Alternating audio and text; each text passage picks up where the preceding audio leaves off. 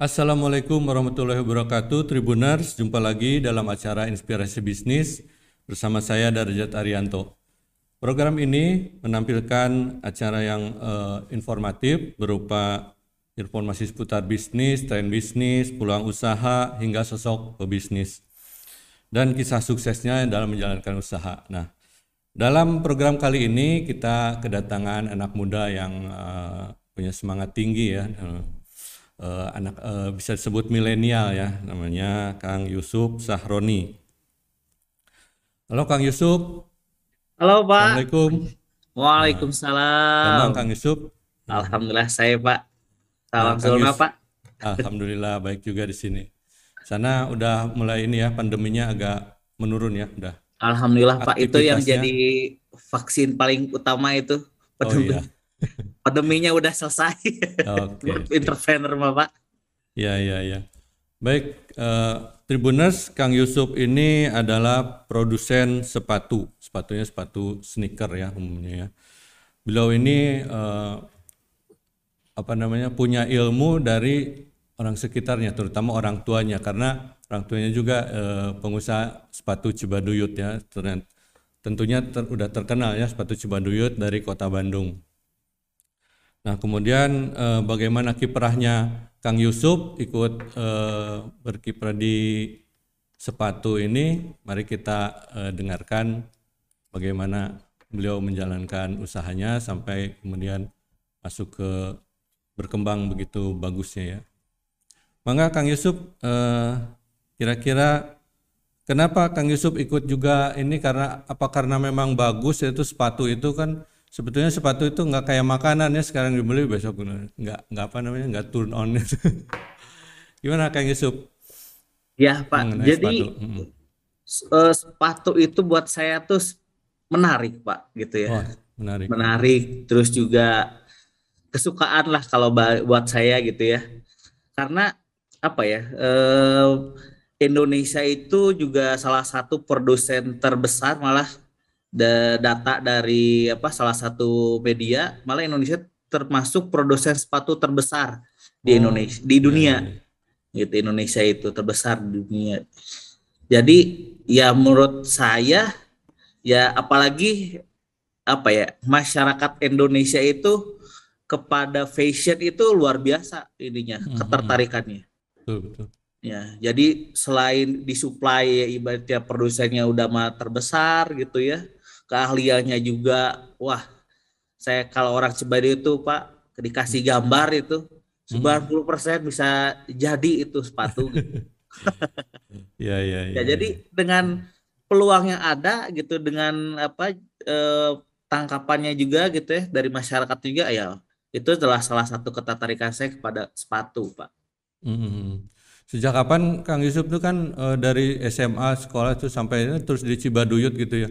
Betul. Sejak kapan mulainya dan kenapa tertarik ke milihnya ke sneaker gitu gimana? Nah, ini juga lucu Pak sebetulnya. Hmm. Jadi kedua orang tua saya tuh tidak apa ya ibaratnya tidak merestui saya untuk menjadi seorang wira swasta. Oh. uh.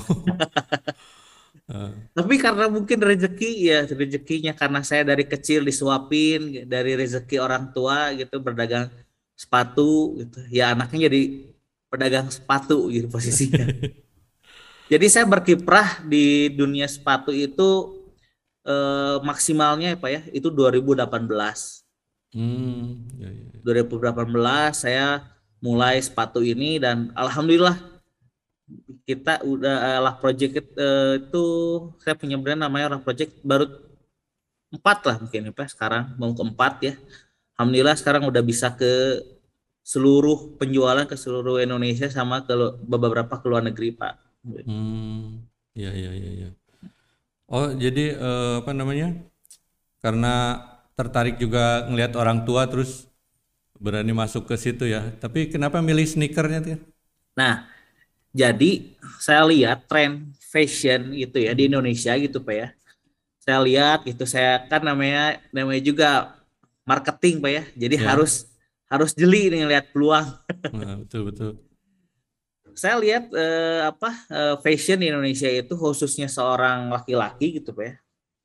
itu dia kalau ke mana-mana itu yang pertama dia pakai adalah maksudnya ketika dia mau pergi ya sepatunya itu harus disiapin dulu pak Hmm. gitu makanya di Indonesia itu ada namanya komunitas sneaker pak Komunitas apa? sneaker Oh, sneaker ya. Nah, ah. Jadi laki-laki tuh lebih pede ketika dia pakai sepatu dulu nih. Wah, sepatunya ini ya berarti busananya tinggal mengikuti. Ya, ya, Tapi, nah, kalau perempuan, Pak, itu dari atas dulu, Pak. ya. Hmm. Hijab, tuh, makanya makanya ada namanya komunitas hijab, Pak, dari atas dulu. Ya, ya, Baru ya. ke bawahnya dipikirin mau busana apa. Malah kan yang lucunya itu kalau perempuan ketika wah ini lucu hijabnya atasnya nggak ada beli beli beli apa bawahannya juga gitu kan Iya, iya. Heeh, gitu Hmm. jadi dari sana sih pak saya melihat apa eh, pola fashionnya eh, masyarakat di Indonesia ya seperti itu Oh, iya. malah sneak komunitas sneaker di Indonesia itu luar biasa antusiasnya pak Hmm. Termasuk Bapak Presiden. wah gitu pak betul ya. gitu. Jadi eh, Kang Yusuf ngelihatnya ke arah laki-laki dulu ya, nggak ke perempuan ya. Ya. betul Laki-laki usia berapa yang dibidiknya? Kalau saya sih dari eh, 19 sampai 30-an, Pak. 19 sampai 30 ya. Ya, dari dari remaja dari remaja sampai ya dewasa lah. Iya, iya, iya, iya. Kan kalau laki-laki laki-laki itu jarang belanja Kang Yusuf ya. Nah, Sampai belel pun udah biarin aja lumayan ini, nanti eh, ininya putarannya lama dong Kang Yusuf. Gimana tuh? menurut saya nah ini eh, menurut saya berbeda Pak menurut saya, Pak. Oh iya, gimana? Jadi kalau pola emang laki-laki itu seperti itu, Pak. Jadi eh, dia lebih apa tahan lama untuk menahan belanja gitu, Pak. Ah, betul. Nah, tapi dia sangat loyal ketika dia sudah nyaman di salah satu eh, tempat eh, misalkan dia jual apa beli produk apa pun ya dia itu Hmm. paling setia pak karena dia nggak mau ribet. Gitu. Setia ya. ya kalau soal apa belanja gitu ya. Hmm. tapi kalau perempuan pak nah perempuan itu nggak bisa setia pak soal belanja. Hmm. beda 500 pak dia lari pak. Eh, beda beda apa beda satu ah ini nggak cocok tun warnanya gitu ya. Hmm. akhirnya dia pergi. Tapi kalau laki-laki ah beda sedikit tun warnanya ah, udahlah nggak apa-apa. Yang saya udah nyaman sama toko ini ya. Nah, jadi ketika apa eh, kita bisa memberikan kepuasan dalam berbelanja nah insya Allah sih laki-laki itu nggak akan apa ya tidak akan berpaling gitu kalau bahasa saya Iya, iya, iya. Oke, gitu ya. Jadi memang eh, ada rasa kesetiaan laki-laki ya. tuh Terhadap- terhadap belanja apa ya Ah, terhadap belanja. Nah, kalau dari mereknya sendiri tadi dibilang LAF, LAF ya, LAF Betul, Project. Itu singkatan atau apa? Terus kenapa eh, namanya seperti itu? Apa memang ada unsur kelaki-lakiannya atau gimana tuh? Hmm. Nah, ini ya juga sangat menarik nih Pak buat saya pribadi karena Hmm. dulu itu saya hanya seorang produsen, Pak. Di mana seorang produsen itu hanya menciptakan produk saja, Pak. Hmm. Dan eh, di apa di apa diberikan kepada ya brand-brand yang Ya. sudah punya nama gitu. Ya, jadi asalnya polosan, brand itu datang, oh, saya tolong cetakin sepatu ini pakai brand saya. Oh iya. Nah, ketika saya ingin memulai satu bisnis, duh saya namanya apa ya gitu ya, nama brandnya ya gitu. Kalau misalkan nggak pakai nggak pakai nama, duh nggak menarik juga gitu. Ya. Akhirnya saya berbincang sama istri gitu ya, udah aja kita pakai aja nama anak pak. Hmm. Jadi LAF itu adalah singkatan dari Langit Alfaruk, Pak, anak pertama saya Oh. gitu. Dan ceritanya juga ah, ya udahlah gitu ya. Bagus juga nih untuk ya saya lagi La- LAF project itu adalah persiapan untuk anak saya ke depan gitu. Hmm, Projectnya ya. betul gitu. Project untuk anak saya ke depan. Eh, persiapan apanya itu? Persiapan.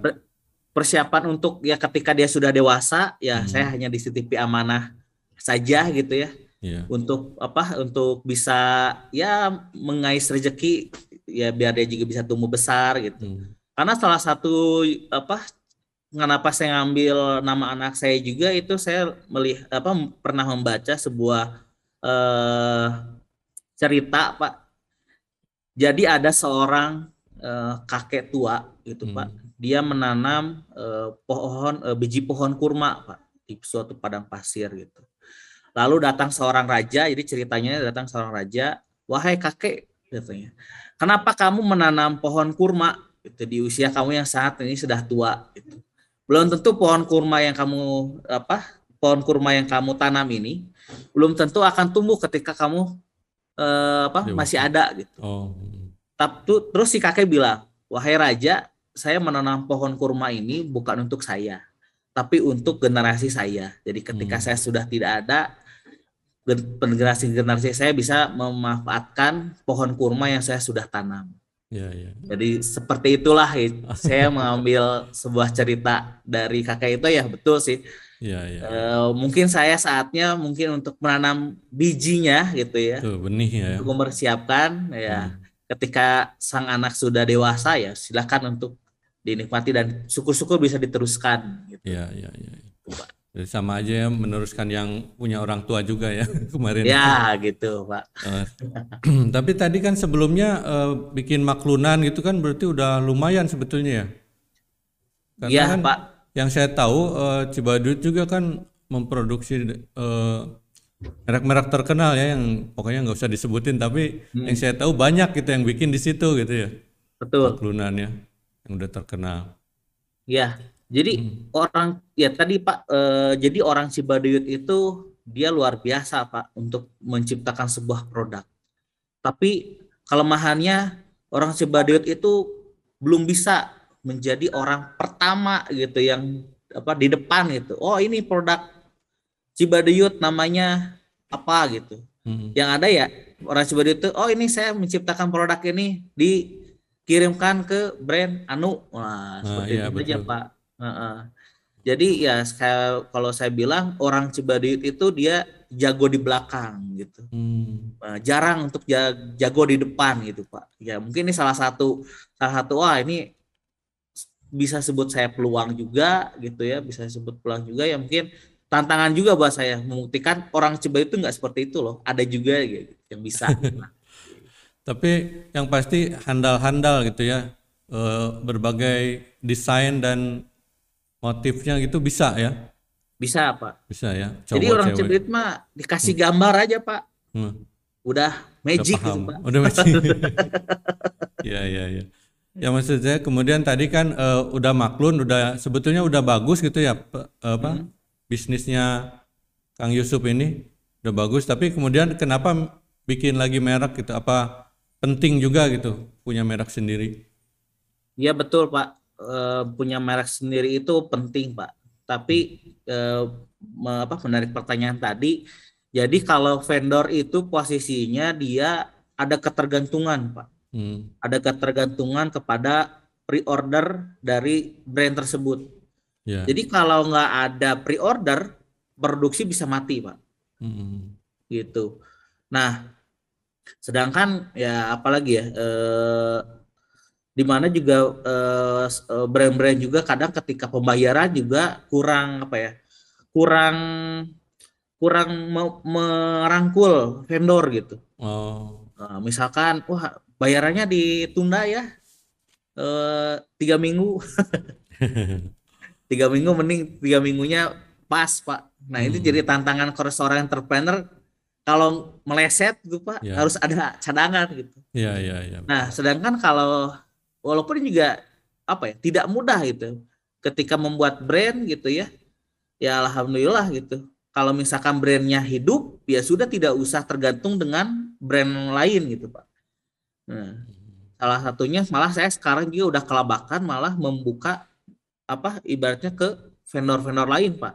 Oh Yang asalnya saya produksi sendiri, hmm. sekarang ya dibagi-bagilah ke yang lain gitu, oh posisinya gitu karena ya udah kelabakan dengan eh, apa penjualan yang saat ini sedang terjadi gitu hmm. gitu jadi sampai bengkel alhamdulillah bengkel-bengkel yang ini pun tercover oleh PO saya saja gitu oh gitu rata-rata berapa produksi per bulan Mas Yusuf?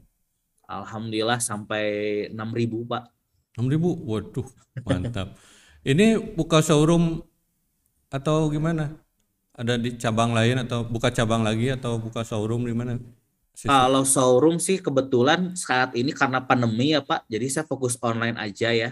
Online ya. Ya, karena kalau apa ya, kalau dulu saya pernah buka gitu ya, itu salpo PP Pak di mana-mana Pak. ya ya ya ya ya. ya. Jadi, ya adalah ya. Berapa ya, jenis Mas? Kang Gimana? Yusuf, berapa jenis sepatunya, sneakernya? Alhamdulillah Pak kalau dari saya di jadi saya tuh merintis awal tuh dari dua stiker Pak.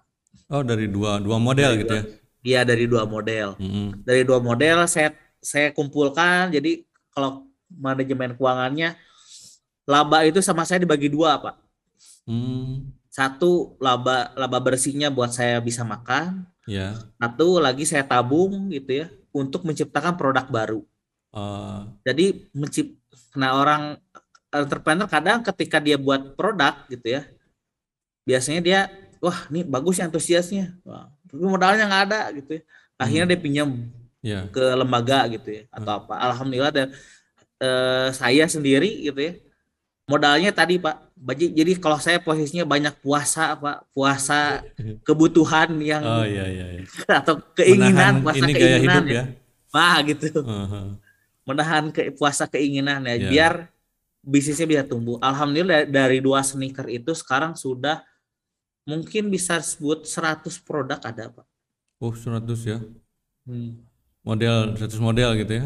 Betul jenis model Pak. Tapi semua laki-laki ya? Oh enggak kalau sekarang Pak. Oh enggak. Enggak, jadi sekarang Berkembang. juga merambah ke eh, wanita, malah ke Hmm. anak kecil, Pak. Oh, ada lihat. juga. Ya, Oh, gitu ya ya ya bagus bagus. Tapi gini, Kang, tantangannya di apa namanya? online terutama ya, dunia online itu kan gampang banget gitu ya, tiru meniru gitu ya. betul. TMT eh, Nah. amati tiru modifikasi gitu ya. Nah, gitu Ada gimana istilah baru, Pak, strateginya Kang Yusuf? Hmm? Ada istilah baru nih, Pak. Apa tuh? Amati, tiru, mirip, Pak. Modifikasi ya, ATM, betul. Modifikasinya nggak ada, Pak. Oh, Mirip. nggak ada. Modif. Ya, ya, ya, ya. Eh, nama apa namanya? Strateginya gimana Kang Yusuf supaya tetap eh, kuat dan malah berkembang seperti Kang Yusuf tadi. Tidak Iya, Pak, betul. dicontak-contek gitu. Hmm. Mm-mm. Iya kalau itu kita kita nggak bisa nggak bisa ditahan ya Pak posisinya betul. ya. Jadi ya yang namanya juga apa ya digital itu sekali lagi tidak sekali lagi teknologi alat teknologi ya digital itu tidak bisa ditahan Pak. Hmm. Sumber informasi, sumber apa eh, gambar segala macam itu nggak bisa ditahan Pak. Iya, iya. Ya akhirnya ya itu jadi jadi sudah jadi konsumsi. Ya mungkin yang yang menjadi apa eh, pola gimana nih biar membedakan satu sama lain ya kalau buat, buat saya sih itu adalah salah satunya kualitas dan juga pelayanan sih pak kalau dari Pelayanan. kita Hmm. karena ya saya apa eh, foto gitu ya sudah di watermark pak posisinya itu Oh, gitu. tiba-tiba loh kok ada yang make gitu bisa pak gitu. Bisa aja ya. Heeh, jadi bukan hanya produknya pak fotonya sampai videonya pak ada make Terus gimana nggak nggak perlu apa namanya eh, atau bikin hak cipta itu apa nih yang haki itu? haki, Nah. ya haki kan hanya melindungi brandnya saja pak ya, Hmm. gitu. Kadang juga yang penting sih, kadang saya juga pernah konsultasi kepada eh, pihak haki gitu. Bagaimana ini eh, untuk menanggulangi kalau misalnya ada peniruan produk. Jadi haki itu tidak meng apa ya, tidak melindungi produknya pak, Hmm. hanya melindungi brandnya. Jadi misalkan, oh ada yang eh, mirip men- meniru produk Oh iya iya. tersebut gitu ya hak ah, pihak apa eh, dirjen haki itu tidak bisa mengunci kecuali produknya dipatenkan malah pak Hmm. Bentuknya itu yang dipatenkan gitu Iya iya iya. jadi hak paten gitu Kalau Kalau bentuk sama aja kan- ya, bentuk mah boleh mungkin ya, nanti mereknya lain gitu. nah begitu pak jadi mereknya saja yang Hmm. dirubah gitu ya kit- eh, saya juga sampai kelabakan bagaimana untuk apa me- membatasi hal ini ya ternyata tidak bisa gitu. Hmm. Kalau kecuali ada yang menyalahgunakan brand gitu. Nah, saya bisa melaporkan ke pihak marketplace gitu. Ya, Ini ya. ada yang me- kan di- digital juga alhamdulillah membantu membantu apa? eh, para sellernya gitu atau para brand ownernya untuk bisa mengkurasi oh ini ada yang meniru produk saya apalagi sampai brandnya itu dilindungi juga pas sama pihak marketplace-nya sama di pihak Hmm. digitalnya gitu. Iya, iya, iya. Ya nggak bisa ini juga ya, susah ya kalau itu ya. Betul, Pak, betul. Heeh. Nah, kemudian kalau eh, sistem penjualannya sendiri langsung atau ada reseller, ada agen atau gimana Mas Kang Nah, Yusuf? Hmm. Untuk saat ini eh, lah project itu belum bisa membuka dropship atau reseller, Pak, karena sendiri untuk memenuhi kebutuhan sendiri aja masih kelabakan Pak lah project alhamdulillah sampai saat ini. Oh, gitu ya. Jadi saya takut saya orangnya takut mengecewakan, Pak. Sewakan reseller. Nah, betul. Kan reseller itu sudah posisinya dia sudah berjibaku tuh, wah memasarkan produk eh, Hmm. yang dia ingin pasarkan gitu ya. Ya. Tapi ketika ini, ketika sudah keluar, oh saya ini ada produk gitu, eh, apa mau customer saya mau beli, taunya dia nggak nggak bisa terpenuhi gitu. Hmm. Jadi saya agak belum apa belum siap untuk membuka dropship dan seller, jadi sendiri dulu saja. Sendiri. Wah. Tapi punya tim marketing sendiri ya untuk ini. Alhamdulillah Pak. udah Ada ya. Oh, iya iya. Sendiri. Oh, oh, karyawan berapa sekarang, Kang? Untuk saat ini 10 orang Pak. 10 Untuk- ya. Ya untuk Dengan produksi ribuan gitu tercover Nah, ini jadi- pelayanannya gimana? Nah, Hmm. jadi kan enaknya tuh admin tuh cukup dua sih Pak kalau saya. Hmm. untuk membalas gitu. Terus kalau produksi Pak yang luar biasa. Kalau produksi itu sampai 30 orang ada Pak. Oh, gitu. Ya. Gitu. Jadi ada saya ada tim tim kantor lah gitu ya, tim ofisial gitu di kantor office gitu ya. Hmm. Ada tim produksi gitu. Hmm, gitu ya. Jadi cukup ya segitu ya. Mereka udah paham ya. Alhamdulillah. Betul. Dan ya mungkin karena era digital apa ya? Saya lihat saya pengennya sih bisa membuka peluang kerja sebesar-besarnya gitu Pak ya. Hmm. Cuman ya dengan apa? Dengan adanya teknologi malah sekarang juga ada seperti apa ya? Ya admin. Jadi sekarang ada aplikasi Pak dari jadi 10 marketplace gitu misalkan gitu ya. Hmm. Itu bisa satu device Pak. Bukan satu Oh. device, satu aplikasi Pak. Ada ya. Nah, jadi Gampang disebutnya nah, bisa disebut mungkin Obi Channel gitu Pak ya. Hmm. Eh, Jadi, nyimpen bisa. di berbagai marketplace. Iya gitu. Oh, iya. Jadi di aplikasi tersebut ya tinggal balas aja. Jadi nggak usah punya admin terlalu banyak, cukup Hmm. be- cuman beberapa ya tinggal difasilitasi, difasilitasi saja. Malah sekarang juga chatting di marketplace-nya juga ada aplikasi robot gitu posisinya. Ya, Jadi ya. pertanyaan-pertanyaan yang sama itu bisa dibalas dengan eh, dengan cepat oleh Hmm. pihak marketplace-nya tersebut gitu, Pak. Hmm. Selain marketplace di mana lagi ininya apa dibikin FB ad atau Instagram atau apa gitu? Ya, jadi FB-nya ada, Instagram-nya juga ada namanya sama Love Project sih Pak kalau dari Hmm. saya. Iya. Kemudian bikin ini juga apa eh, konten-konten nggak Kang buat Betul. menarik ini? Ya, jadi saat ini gitu ya karena kondisinya kita tidak apa ya masyarakat tidak boleh keluar gitu Pak ya. Buka puasa aja nggak boleh ngobrol Pak katanya, Pak. Jadi kan ke- hanya hanya apa ya ke- hanya kekuatan konten Pak yang bisa menarik orang untuk bisa beli gitu ya. Iya iya betul. Ya.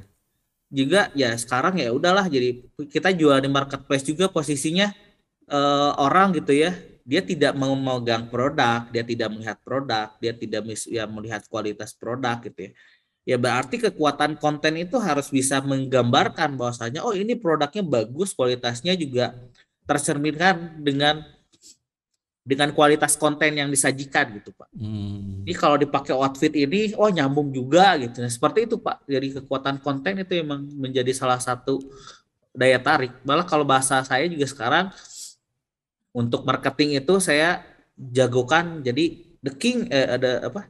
Eh, content is the king, Pak. Hmm, betul betul. Nah, content is the king and packaging is queen gitu. packaging itu jadi salah satu daya juga, daya tarik juga Pak ketika orang dat apa ketika orang menerima paket, Pak. Oh iya iya iya.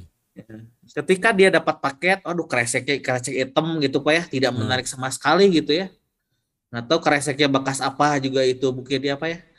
Nah, jadi sama saya plastiknya itu dibuat eksklusif Oh. Warnanya putih gitu, ada Oh, iya, iya, brandingnya iya. segala macam gitu. Jadi identiknya itu apa? Wah ini fresh nih gitu produknya Iya. gitu. Jadi seakan-akan ya, wah dia punya antusias antusias gitu pada kepada brand tersebut gitu. Ketika Hmm. packagingnya juga menarik pak.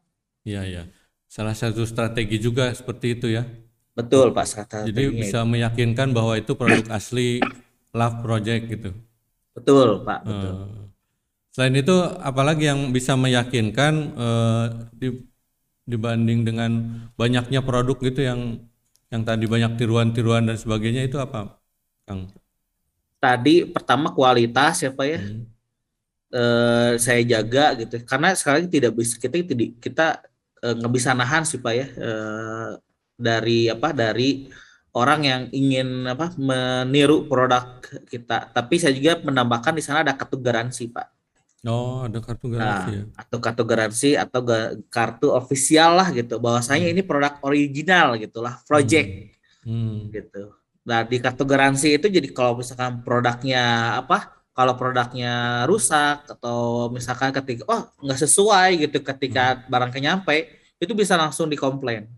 Oh, iya. Tapi kalau produknya tidak original gitu ya, Hmm. ya itu tidak bisa kita apa-apakan. Jadi itu ada satu fasilitas ataupun yang tadi saya bilang, jadi kita jaga kualitas, kita juga jaga servisnya pak. Udah jadi udah tahu ya produk-produk kita yang aslinya seperti apa nanti bisa bisa ngaku Malah yang ya ah, betul Pak. Malah eh, apa setiap produk lah project itu soalnya itu kita kasih brand Pak. Hmm. Karena untuk membuat kalau di footwear itu untuk mencetak eh, brand di footwearnya itu itu memang membutuhkan kuantiti yang sangat besar. Oh, gitu ya. Nah, dan juga modal yang besar gitu. Jadi Hmm. posisinya setiap soalnya itu ada brandnya Pak. Ya, ya, ya, ya. Oh. Jadi semua dikerjakan di sana ya, si Baduyut aja. ya? Betul Pak. Udah semua bisa. Ya, ah. Kalau Kalau konten- kalau Pak. Kalau kontennya sendiri eh, ini ngerekrut orang atau ke studio atau bikin sendiri kok bikin konten? Nah, kalau konten kita bikin sendiri sama juga ada eh, kita pakai vendor, Pak. Oh, pakai vendornya ya. Iya. Karena sekarang itu saya lihat eh, apa ya? eh, digital marketing itu sangat luar biasa antusiasnya, Pak. Hmm. Di Instagram, di TikTok, kalau di Iya. marketplace itu ada live, Pak. Ya, ya, ya. Ya, yang mewajibkan intinya branding brand itu apa brand owner ataupun pihak brand itu bisa menampilkan produk secara real gitu kepada customernya. Hmm. Nah, sisa-sisa waktu itu gitu kadang aduh lelah nih. Jadi kontennya kita berikan kepada eh, vendor yang bisa satu sinergi dengan lah project gitu, Pak. Ya, ya, ya. Hmm. Nah, kemudian yang berikutnya kalau mengenai harga itu masuknya ke segmen mana, Kang? Kalau lah project itu masuk ke segmen penengah, Pak. Menengah ya? Ya, Hmm. ya tidak di bawah tapi juga tidak di atas, di tengah aja, Pak. Hmm. Ya, karena lah project itu ketika berdirinya tuh Pak 2018 dan kita pas lagi pengen pengennya naik Pak gitu. Itu pas bulan Ramadan kita diserbu bukan diserbu ya, diserang sama PSBB Pak kan Pak. ya. Oh, pas Ketika lagi saya mau merintis- naik-naik gitu ya? Betul, pas Hmm. merintisnya saya langsung diserang PSBB dan ketika itu waduh saya langsung rada apa ya? pesimis gitu. Wah, gimana ini gitu. Kalau misalkan saya udah nyiapin 1000 produk ketika mau lebaran. Kan PSBB itu lebaran pertama kan, Pak ya? Ya, ya. Ya. 2020. Ya. Itu dua- 2000 iya 2019 lah kalau salah, Pak. Itu mau lebaran kan. Saya udah udah persiapan produk sampai 1000, Pak, itu. Oh, 2000. Mm-mm, 1000, Pak, untuk apa buat penjualan bulan puasa. Online juga. online pak Hmm. jadi alhamdulillah emang saya udah bergerak di digital marketing udah nabung lah gitu wah digital marketing nih harus harus harus bisa gitu nah alhamdulillahnya ketika walaupun orang teman-teman saya semua malah bengkel-bengkel di Cibadiut itu langsung mati pak ketika PSBB di apa diberlakukan Iya, iya, iya. Ya, karena pariwisata tidak ada gitu kan Hmm. ya. Segala macam. Jadi sepi banget sih Badiut. Langsung Tapi ya kan, iya drop. Tapi ya alhamdulillah gitu ya. Ketika saya dihadapi dengan apa masalah tersebut atau tantangan tersebut, ya saya optimis selalu gitu. Hmm. Karena apa seorang entrepreneur itu eh, imunitasnya itu semangat, Pak. Optimis. Gitu ya. Kalau nggak ada optimis sudah selesai, Pak. Hmm. Gitu.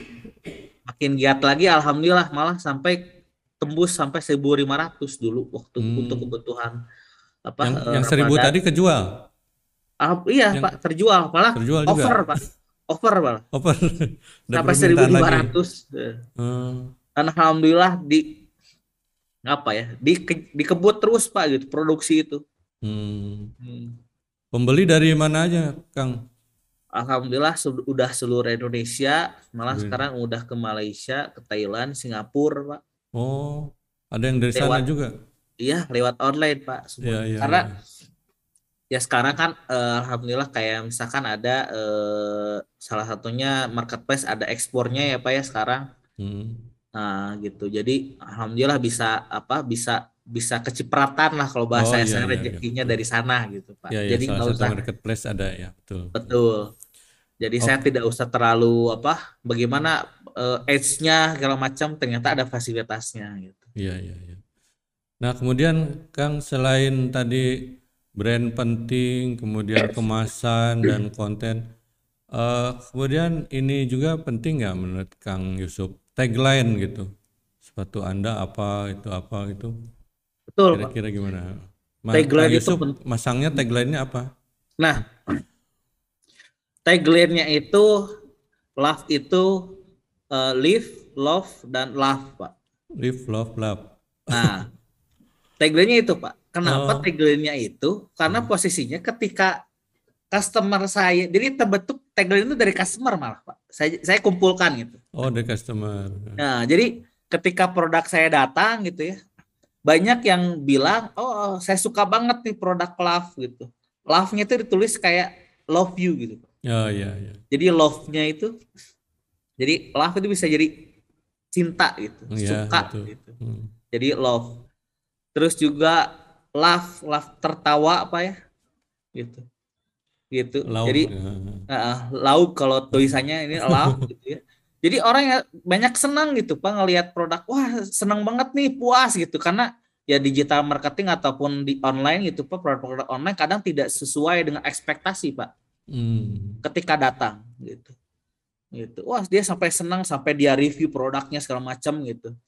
Dan juga yang kata terakhirnya itu live gitu ya, bisa menghidupi gitu. Alhamdulillah gitulah itu bisa sampai saat ini ya alhamdulillah saya da- dan pengennya dari saya juga bisa bermanfaat untuk eh, buat yang lain gitu Pak. Iya, Khususnya memang di lingkungan Cibaduyut gitu. Hmm, ya, Jadi betul. ya sampai sekarang juga kita masih buka vendor gitu Pak. masih ya. buka ya. Ya, karena sekali lagi kita juga masih kelabakan Pak Wah, untuk memenuhi mantap nih. kebut ya memenuhi kebutuhan customer lah project gitu Pak gitu ya. Hmm. Seperti itu jadi masuk ke tagline-nya itu Pak, live love love gitu. Oh gitu ya. Jadi wah eh yang penting itu memang eh, apa namanya dipercaya terus sama konsumen ya. Betul. Kemudian oke eh, kalau gitu kira-kira apa yang membuat eh, Kang Yusuf tetap semangat di masa pandemi gitu sampai sekarang mulai udah mulai menurun ya.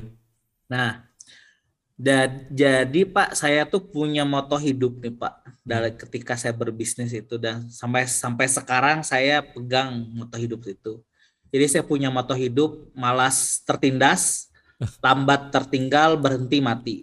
Nah, yang artinya kita seorang entrepreneur ataupun seorang manusia kita nggak boleh bermalas-malasan karena orang malas pasti akan tertindas oleh orang yang rajin, Pak. Hmm. Selanjutnya lambat tertindas. Teknologi itu semakin cepat.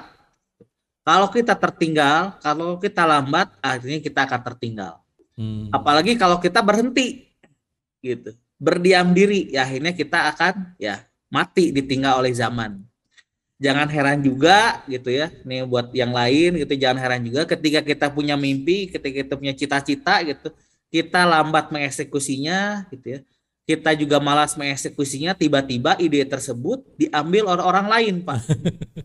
Akhirnya Bisa, ya? mimpi itu hanya hanya mimpi mati ya mimpi yang mati pak. Hanya bayangan semu gitu. Dan hmm. kita hanya seorang penonton saja gitu. nah itu yang saya pegang pak gitu. oh gitu. Luar biasa ini. Motonya mantap nih. Malas tertindas apa tadi? Uh, lambat tertinggal. Lambat tertinggal. Berhenti mati berhenti mati. Nah itu ya. Jadi buat tribuners harus punya semangat seperti itu ya kayak kata Kang Yusuf tadi. Kalau apa namanya eh, pengusaha itu punya imunitas tersendiri ya. Betul. tetap semangat gitu ya Kang Yusuf ya. Kemudian yang lainnya apa seorang pengusaha itu penting juga punya komunitas yang komunitas eh, pengusaha komunitas digital atau komunitas apa pun gitu kira-kira menurut Kang Yusuf gimana? Penting banget pak. Karena penting, penting banget pak. Karena posisinya kita sebagai manusia gitu ya kan emang harus tetap bersosialisasi ya pak ya. Malah ide itu bisa muncul akibat kita ngobrol pak. Nah betul betul nah kan namanya sebuah peluang itu bisa kita lihat bisa kita dengar bisa kita rasakan pak. Hmm. sebuah peluang itu. Muncul sebuah peluang juga bisa dari sebuah masalah. Hmm.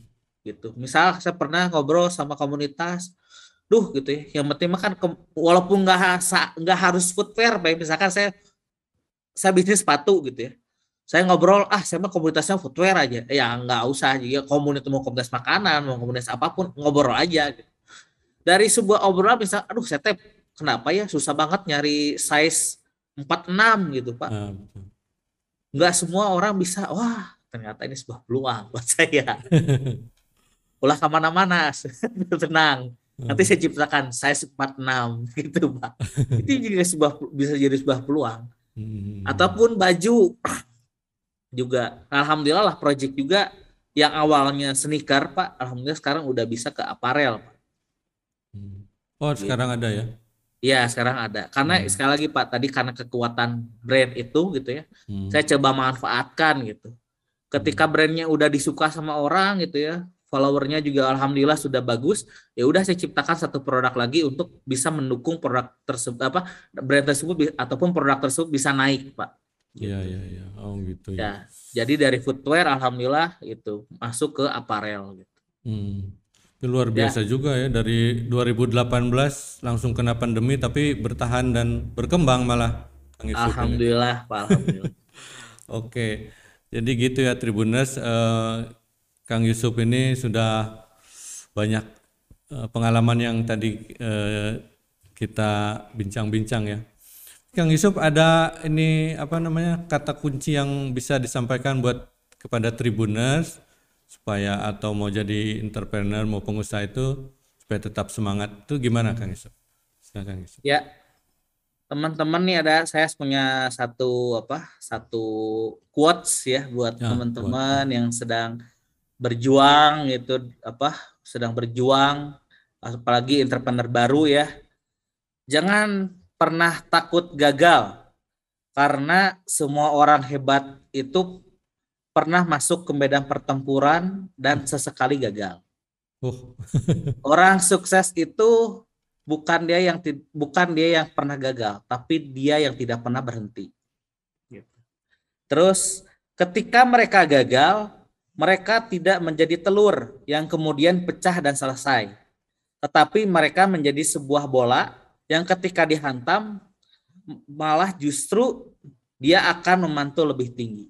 Nah, jadi tinggal pilih saja teman-teman para entrepreneurs mau jadi sebuah telur atau mau jadi sebuah bola.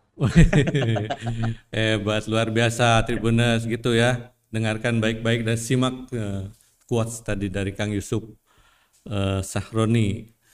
Uh, begitu dulu Kang Yusuf bincang-bincang kali ini. Terima kasih Baik, banyak Pak. atas waktunya. Sama-sama, Sangat Pak. bermanfaat sekali ilmu-ilmunya uh, dari Love Project ini. Semoga sukses dan terus berkembang ya Kang Yusuf. Amin okay. Pak, amin. Sehat selalu juga Pak. Ya. Wassalamualaikum warahmatullahi wabarakatuh.